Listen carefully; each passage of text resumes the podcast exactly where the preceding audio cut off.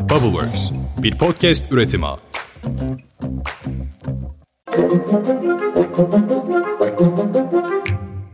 Beş dakikada dünya gündemine hoş geldiniz. Bugün 15 Aralık 2022 ben Özlem Gürses. Haftanın en umutlu gününden herkese merhaba. Yarın cuma. Neredeyse başardık.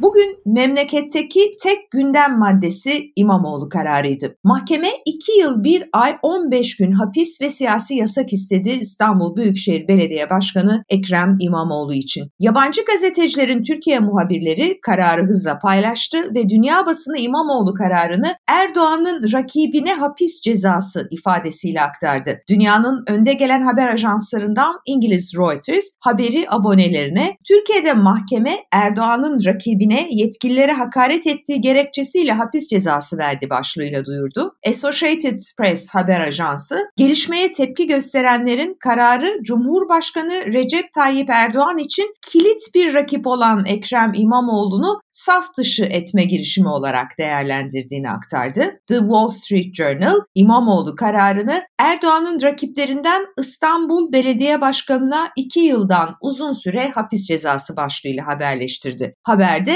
anketler Ekrem İmamoğlu'nun aday olması durumunda Erdoğan'ı seçimde yenebileceğini gösteriyor dendi. Amerika Birleşik Devletleri'nin önde gelen finans yayınlarından Bloomberg'de ise karar Erdoğan'a rakibinin siyasi kariyeri mahkeme kararının ardından tehlikede başlığıyla duyurdu. Britanya gazetesi The Guardian'ın haberinde ise karar CHP'nin önemli figürlerine yapılan baskının en yeni adımı ifadesine yer verilmiş. The Guardian muhabirleri ise bu kararı belediye başkanının destekçileri kendisine uygulanan yasağın ters etki yaratacağını ve tıpkı Erdoğan gibi İmamoğlu'nun da yükselişine yardım edeceğini umarak belediye binasının önünde toplandı diye yazdı. Evet aslına bakarsanız karar e, son derece enteresan bir karar. Bugün mahkemeden doğrusu iki ihtimalden biri bekleniyordu. Ya beraat kararı vermesi. Evet bu uzak bir ihtimal bu kadar siyasallaşmış bir yargı ortamında ama yine de bu ihtimal vardı. Bir diğeri ise kararın ertelenerek sürecin böyle zamanı yayılması gibi bir karardı.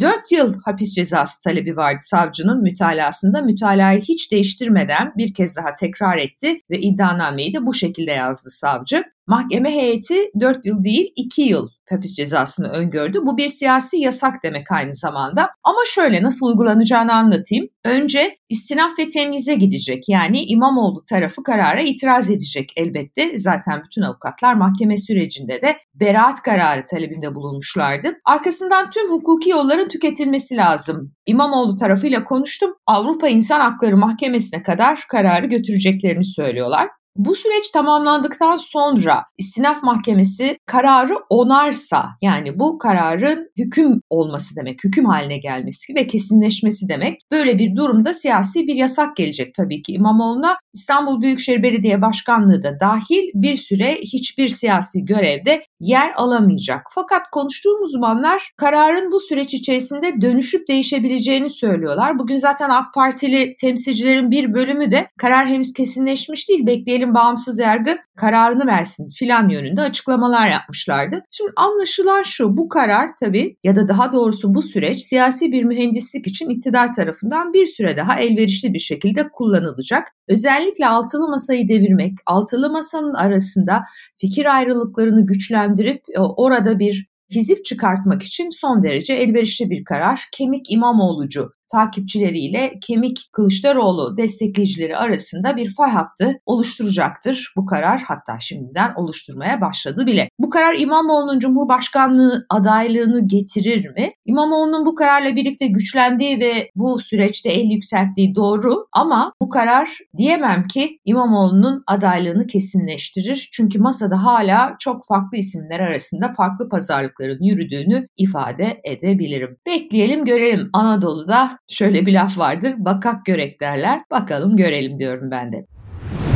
Bu arada Avrupa Parlamentosu Türkiye raportöründen de İmamoğlu kararına bir tepki geldi. Avrupa Birliği'nin yasama organı Avrupa Parlamentosu'nun Türkiye raportörü Nacho Sanchez Amor Twitter üzerinden İmamoğlu ile çekilmiş bir fotoğrafını paylaştı. Amor diyor ki olanaksız görülüyordu ama oldu. İmamoğlu bir kamu yetkilisine hakaret ettiği iddiasıyla 2 yıl 7 ay hapis cezasına çarptırıldı ve siyasi yasak aldı. Amor Türkiye'de adalet çok vahim durumda, iğrenç şekilde siyasi amaçlar için kullanılıyor, çok üzücü bir gün ifadesini kullanıyor Twitter paylaşımında. Avrupa Parlamentosu'nun eski Türkiye raportörü var. Türkiye'de de çok bilinen bir isim Kati Piri. O da Twitter hesabından bir paylaşım yapmış ve diyor ki Ekrem İmamoğlu'nun her şey çok güzel olacak sözlerini ben de tekrarlıyorum diye yazmış Kati Piri.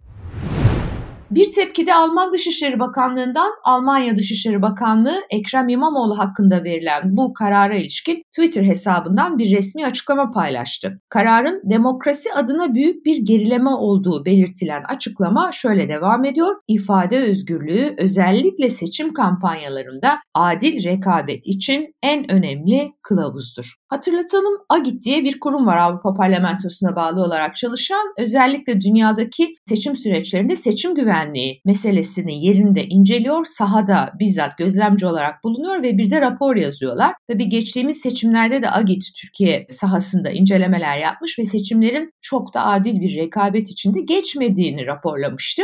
Biraz da buna aslına bakarsanız referans yapıyor Alman Dışişleri Bakanlığı. Fakat ilginç tabii batılı medyadan İmamoğlu'na bu kadar net, açık ve hızlı bir destek gelmesi ilginç. Bu zamana kadar İmamoğlu'nun özellikle batılı temsilcilerle çok yakın temas içerisinde siyasi bir yol yürüdüğünü zaten biliyorduk. Hatırlayın hatta bu kar yağdığı dönemde balıkçıdaki buluşması İngiltere Büyükelçisi'yleydi. Bu da tartışılmıştı. Benzer şekilde sık sık Avrupa Birliği ülkelerini ziyaret ediyor. Orada büyükelçiler ve kor diplomatik misyonla bir araya geliyor. İngiltere'de Chatham House gibi bir yapının içerisinde konuşmacı oluyor. Amerika Birleşik Devletleri'nde dış politikada tanınan güçlü isimlerle ilişkisi, irtibatı var. Çok hızlı bir batı desteğini de aldığını buradan görebiliriz. Evet İmamoğlu gündemi bu kadar. Bakalım dünyada başka ne olmuş? Atina rahat durmazsa vururuz açıklaması yapan Cumhurbaşkanı Erdoğan'a Amerika Birleşik Devletleri'nden yanıt geldi. Amerikan Dışişleri Bakanlığı sözcüsü Ned Price, bakın biz provokatif açıklamalarla gerilimin artmasından üzüntü duyuyoruz. Bütün müttefiklerimizin tehditleri ve bu çeşit açıklamalarını bir an önce bırakmasını istiyoruz. Bu gerilimin yükselmesi bizi NATO'nun karşılaştığı Rusya tehdidine karşı birlik olma amacımızdan da saptırıyor, dedi. Belçika polisi Avrupa Parlamentosu'ndaki rüşvet skandalı ile ilgili yeni bir açıklama yaptı. Bu arada dehşet bir şey gerçekten de yani inanılmaz rakamlardan söz ediliyor ve Sosyalist Parti PASOK'un temsilcileri bu işin içinde herkes büyük bir hayal kırıklığı yaşıyor doğrusu. Soruşturma kapsamında Avrupa Parlamentosu Başkan Yardımcısı Eva Kaili PASOK'un milletvekili aynı zamanda ve eski Avrupa Parlamentosu üyesi İtalyan parlamenter Pier Antonio Panzeri görevden alınmışlardı. Belçika polisi bugün yaptığı açıklamada her iki ismin evlerinde de baskın yaptıklarını ve toplam 1,5 milyon avrodan fazla nakit bulduklarını aktarıyor. Düşünebiliyor musunuz? 1,5 milyon avro ciddi bir para. Bu arada beklenen karar Amerika Birleşik Devletleri Merkez Bankası Fed'den geldi. Bir faiz kararı açıklaması yapacaktı. Fed yaptı ve yılın son toplantısında faizi yine 50 bas puan artırdı. Oysa ki Amerika Birleşik Devletleri'nde açıklanan son enflasyon rakamları orada da baz etkisi var tabii. Frene basmış gözüküyordu. Enflasyon yavaşlamıştı. %7 oranında bir rakama ulaşmış gözüküyordu Amerikan enflasyonu. Bu iyi haberdi ama buna rağmen Merkez Bankası Fed kararlılığını sürdürmüş anlaşılan ve 50 bas puan arttırmış faizleri. Ard arda 7. kez verilen faiz artırım kararı bu. Böylece politika faizi %4.25-4.50 aralığına çıkmış oldu FED tarafından. Twitter sosyal medya platformuna zararlı içerikler konusunda tavsiyelerde bulunmak üzere bir güven ve güvenlik konseyi kurmuştu.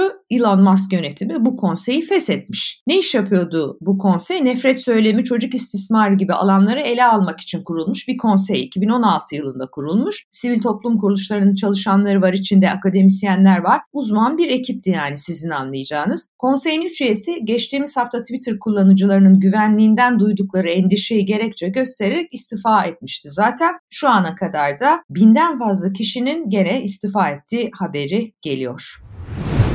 2022 yılının sonuna gelirken Dictionary.com internet sitesi yılın en popüler kelimesini seçti. Bilin bakalım ne? Aklınıza bile gelmez diye düşünüyorum çünkü Türkiye'de hep kötü haberlerle ilişkilendirdiğimiz bir kelime bu. Ne yazık ki demeliyim. 2022 yılında arama oranı %1400 artan kadın sözcüğü yılın kelimesi olmuş. Evet herkes kadın kelimesini arıyor. Neden biliyor musunuz? Çünkü dünyada kadın liderler muazzam işler yaptılar. Kadın bilim insanları, büyük bir kadın devrimi ve kadın çağı yaşanıyor. Aslına bakarsanız bir de tabii İran'da özellikle son birkaç aydır canları pahasına, hayatları pahasına bir karşı devrim hareketini başaran İranlı kadınlar var elbette. Bu aramalarda onun da etkisi olmuştur diye düşünüyorum. Dictionary.com'da zaten hakkını vermiş ve 2022 yılının kelimesini kadın olarak seçmiş. 2023 çünkü umarım huzur olur, mutluluk olur, sağlık olur hepimiz için.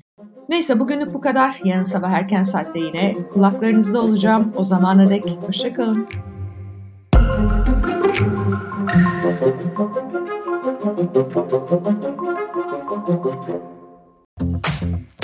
Bubbleworks bir podcast üretimi.